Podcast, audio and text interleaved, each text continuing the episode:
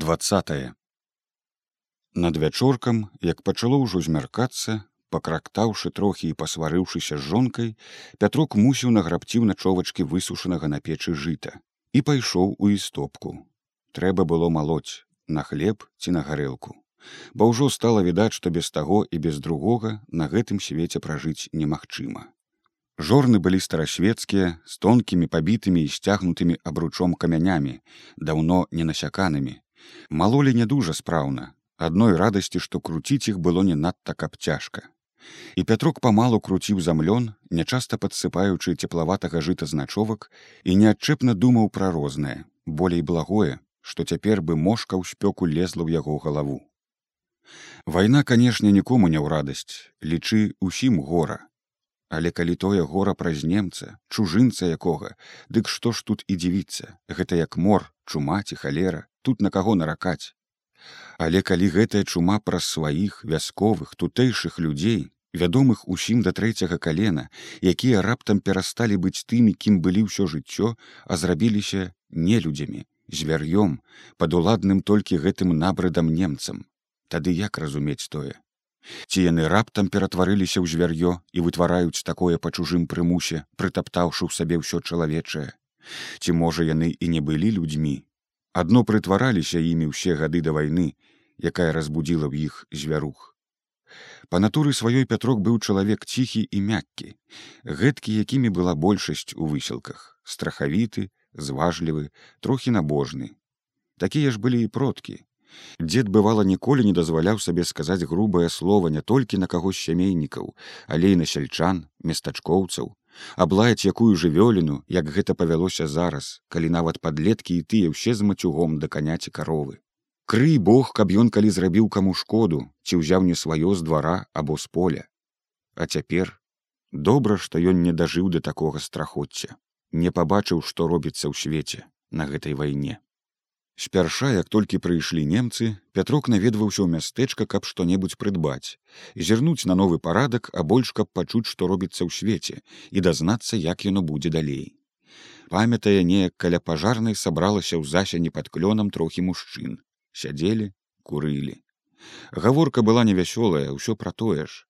Дзён колькі назад у раён прыехаў нейкі нямецкі чын у рудым фрэнчы з чырвонаю перавяззю на рукаве казалі прызначыў новае кіраўніцтва з мясцовых. Мужикам увогуле гэта спадабалася што кіраўніцтва будзе не з немцаў ніякое прысланае а менавіта з сваіх мясцовых. Трохі шчакаўшы новае начальство ўсталявалася ў мураванай будыніне колішняга выканкама. І там ужо бачылі нямецкага перакладчыка былога настаўніка ціхманага халасцяка свянткоўскага што шэсць гадоў кватараваў ля моста ў яўрэйкі рывы галоўным паліцаем адразу стаў гуш які перад тым толькі паявіўся ў мястэчку. Неўзабаве надзеў на рукаў павязку і антось недасека што надта здзівіла местачкоўцаў бо ніхто з іх не мог сказаць нічога благога пра гэтага чалавека. Трэцім паліцаем многія абураліся адкрыта бо даўно яго не любілі ў высілках. Але патап каландзёнак мусіць ужо прывык да таго і не дужа звяртаў увагу Цяпер он зважаў толькі на немцаў і на свайго непасрэднага начальніка старшага паліцэйскага гужа. А гуш узяўся за старое ці новае яго не зразумееш. Дзесяць гадоў яго не было тут. праходзіў навуку ў далёкім данбасе.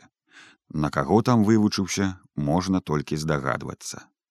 Але цяпер адно ўпіваецца дадзена яму немалой уладай разам з немцамі панішчыў местачковых яўрэяў, разрабаваў іхняе майно і дзень пры дні фарсіць у рудой скуранцы, што нядаўна яшчэ насіў вядомы ўсім загадчы край земаддзела Яфім Кац.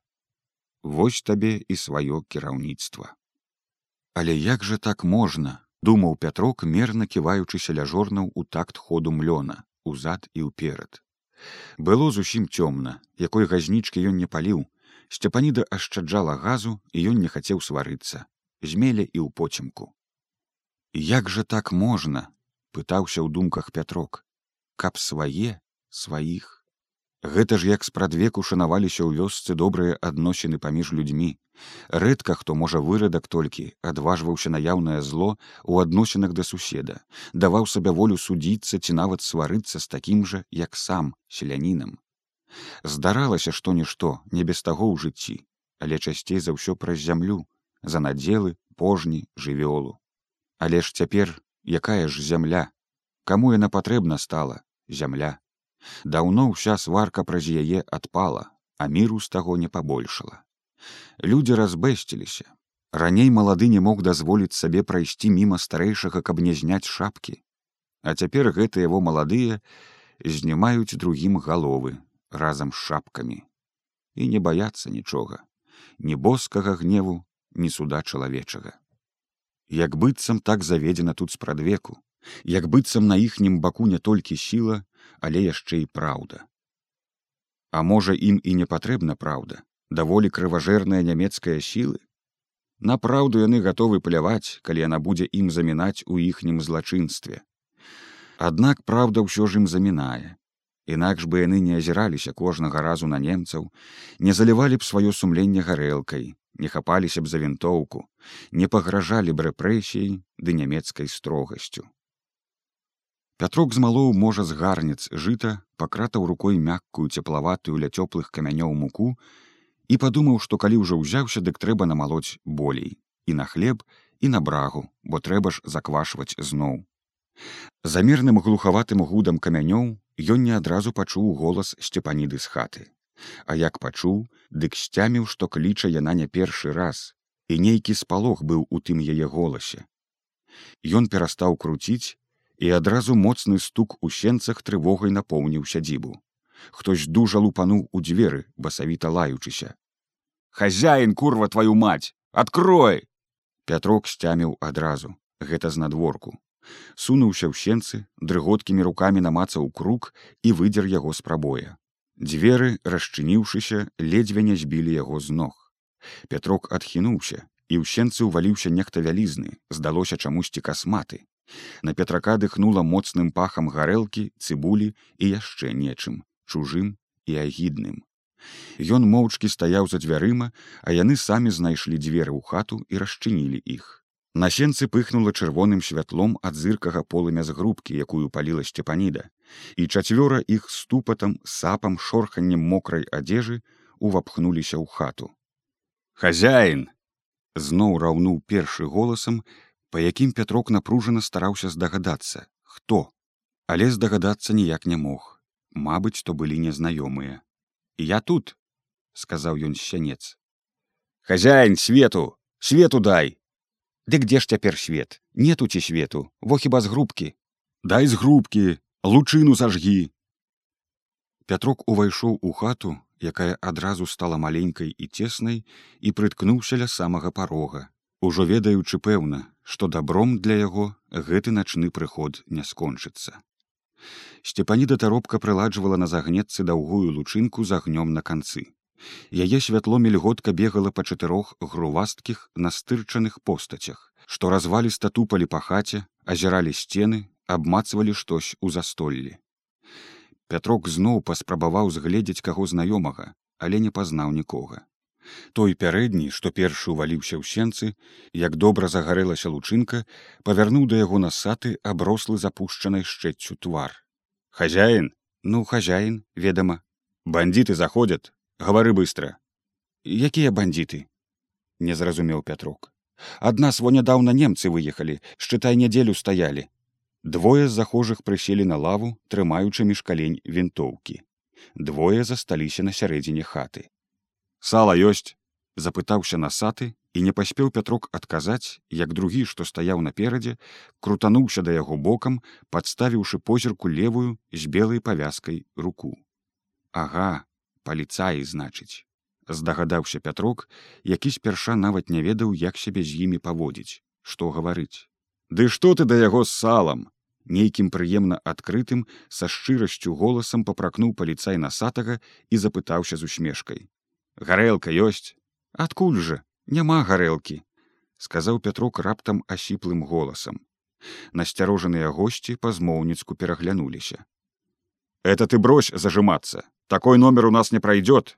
Быў гатовы абурыцца насаты стаў бутылку а потом посмотрим. Дык чэсна няма. Што я хлусіць буду? Стараючыся як мага болей шчыра і таму мусіць фальшыва апраўдваўся пятрок. Захожыя відаць ужо злавілі гэтую яго ненатуральнасць у голасе і яшчэ болей здзівіліся. Ты бачыў пасля нядоўгай замінкі сказаў паліцай да насатага. Адмаўляецца што жыць надаела а это ты нюхал? Перш чым пятрок што зразумеў насаты тыцнуў яму пад нос сцюдзёную прасмярдзелую порахам рулю выхапленага з-пад палы нагана. Самагону жыва дык але ж я не маю! Слаба стаяў на сваім пятрок хоць ужо ведаў што ягоныя словы ім што гарох да сцяны. Ім патрэбна была гарэлка.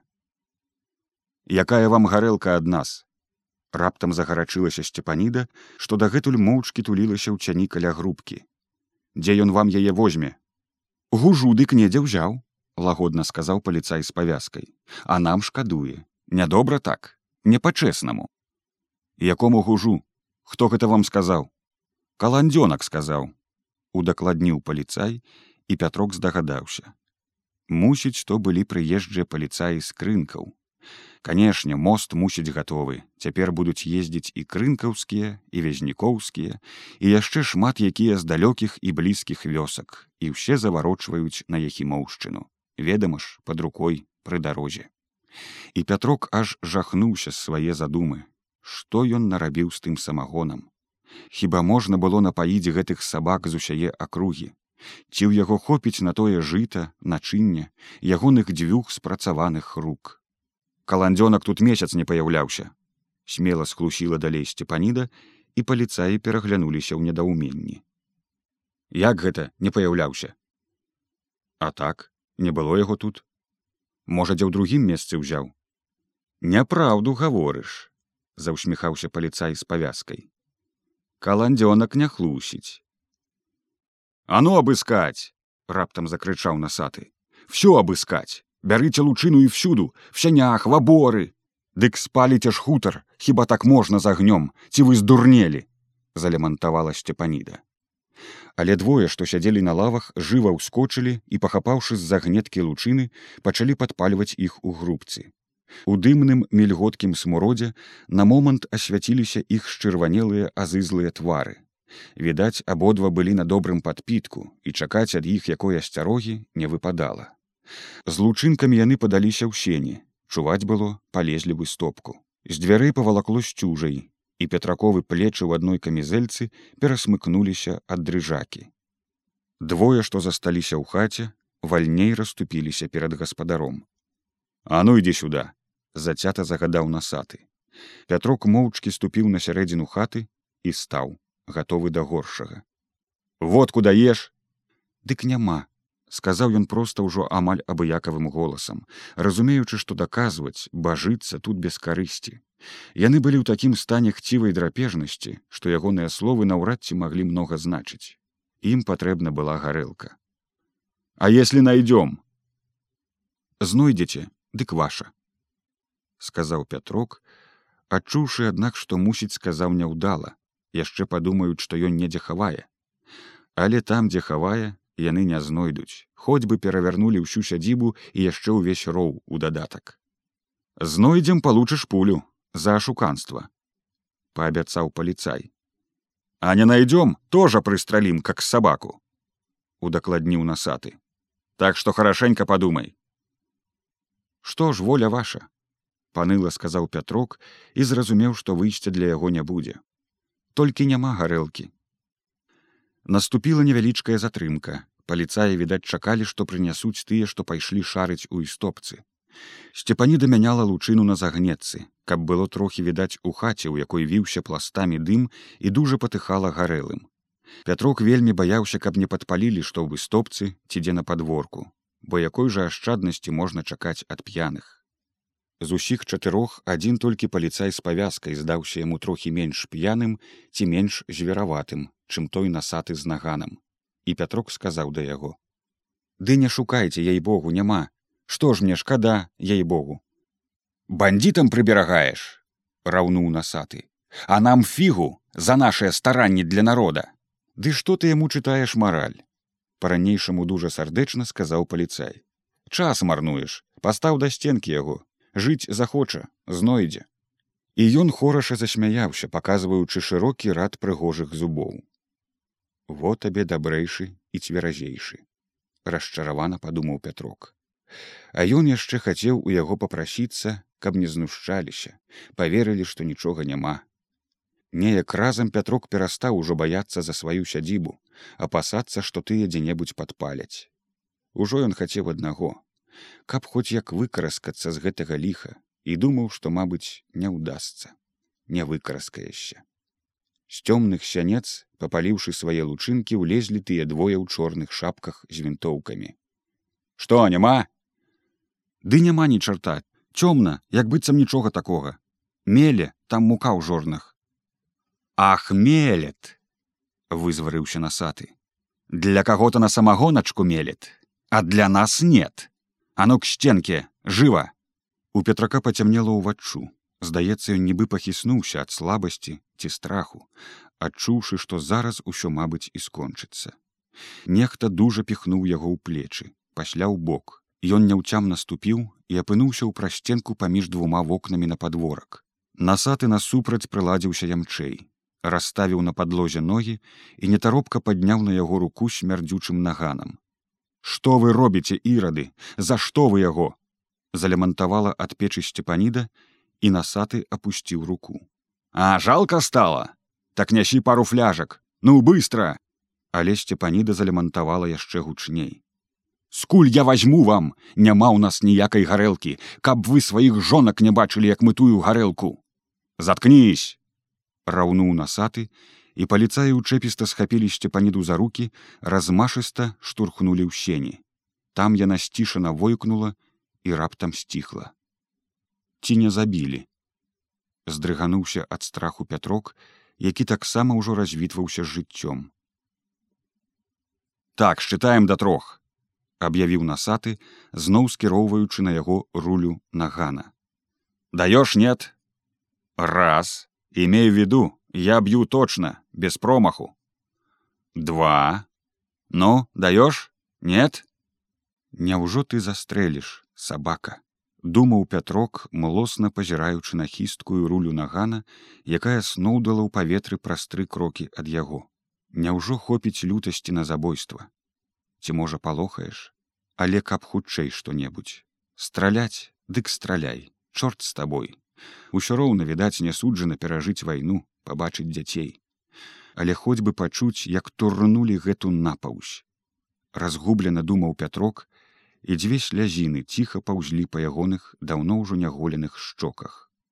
Тры раўнуў урэшце насаты, і ў тое ж імгненне калючае чырвонае полымя ударыла петраку ў твар. Вушы забіла тугім коркам ад стрэлу, і праз момант ён не адразу зразумеў нават, што быццам жывы і стаіць, як стаяў плячмі да прасценка. Толькі праз паўхвіліны скрозь густы звон у вушу да яго бы здалёку данесліся галасы паліцаяў тыя спрачаліся ды што з ім цацкацца патроны псаваць? Біў лоб і пайшлі. Не спяшы. Я яго па часцям разделаю как бог чарапаху. Ну так где водка? Долго молчаць будешь пятрок ужо не адказваў. Ён амаль што аглух і аслупянеў у безнадзейнай абыякавасці да сядзібы жонкі і найперш да самога сябе бо якіх сіл абараніць сябе ўжо не знаходзіў яны нешта там выранджаліся адзін свяціў лучынкамі палячы іх пучкамі. Дым густа валіў у хату і праз расчыненыя дзверы струменямі сплываў у сені. Цені ад людзей крукастымі пачварамі хадзілі па сценах і столі. То пыхала то аціхала полымя лучынак слепячы яго слязлівыя вочы і высвечваючы насупраць каржакаватую постаць ягонага ката з наганам. Где водка? Гавары ах малчыш новы стрэл грукнуў здаецца мацней за першы. Дужа трэснула штосьці ў вуху і пятрок не ўтрымаўшыся паваліўся бокам на канец услона. Ён дужа ударыўся клубам руками трапіў у штось гразкае на падлозе. Дужа балела ў вуху. Але паліцай не даў яму доўга грэбацца па падлозе. Выцянуў ботам у грудзі і за каршэнь бышчанюка зноў падняў да сцяны каб не ўпасці пятрок у поўнай знямозе прыціснуўся плячмі да шархоткіх газет якраз у тым месцы дзе ўжо чарнеліся радком тры дзіркі адкуль Божа за што? Ах ты хутарская сволач, кулацкая вша, зажимаешь, ну получай, толькі б адразу, не мучыцца каб адразу. Сноўдала ў яго галаве міжвольная думка жадання. Пятрок глытнуў салёныя слінкі і зноў адчуў вялікую абыякавасць да сябе і да жыцця наогул. Не паспеў ён аднак сабрацца і ўнутрана расслабіцца перад апошнім уздыхам, як зноў грымнула, агняна смярдзюча пыхнула раз, другі, трэці, асляпіла, забіла глухатой вушы. Калені яго падагнуліся, і ён, абдзіраючы плячмі газеты, паволі споўз па сцяне на падлогу. Здаецца, на нейкі нядоўгі час ён страціў прытомнасць. Так было млосна ў грудях і неяк было дыхнуць. Вочы яго амаль нічога не бачылі ў дымным смярдзючым змроку, і толькі нейкім куточкам свядомасці ён адзначыў яшчэ, што жывы, чамусьці жывы. Аднекуль быццам здалёк да ягонага слыху прыбіліся галасы ягоных забойцаў. Што доўга з ім пэцкацца, канчаі патопалі. Сам пусть даходзіць.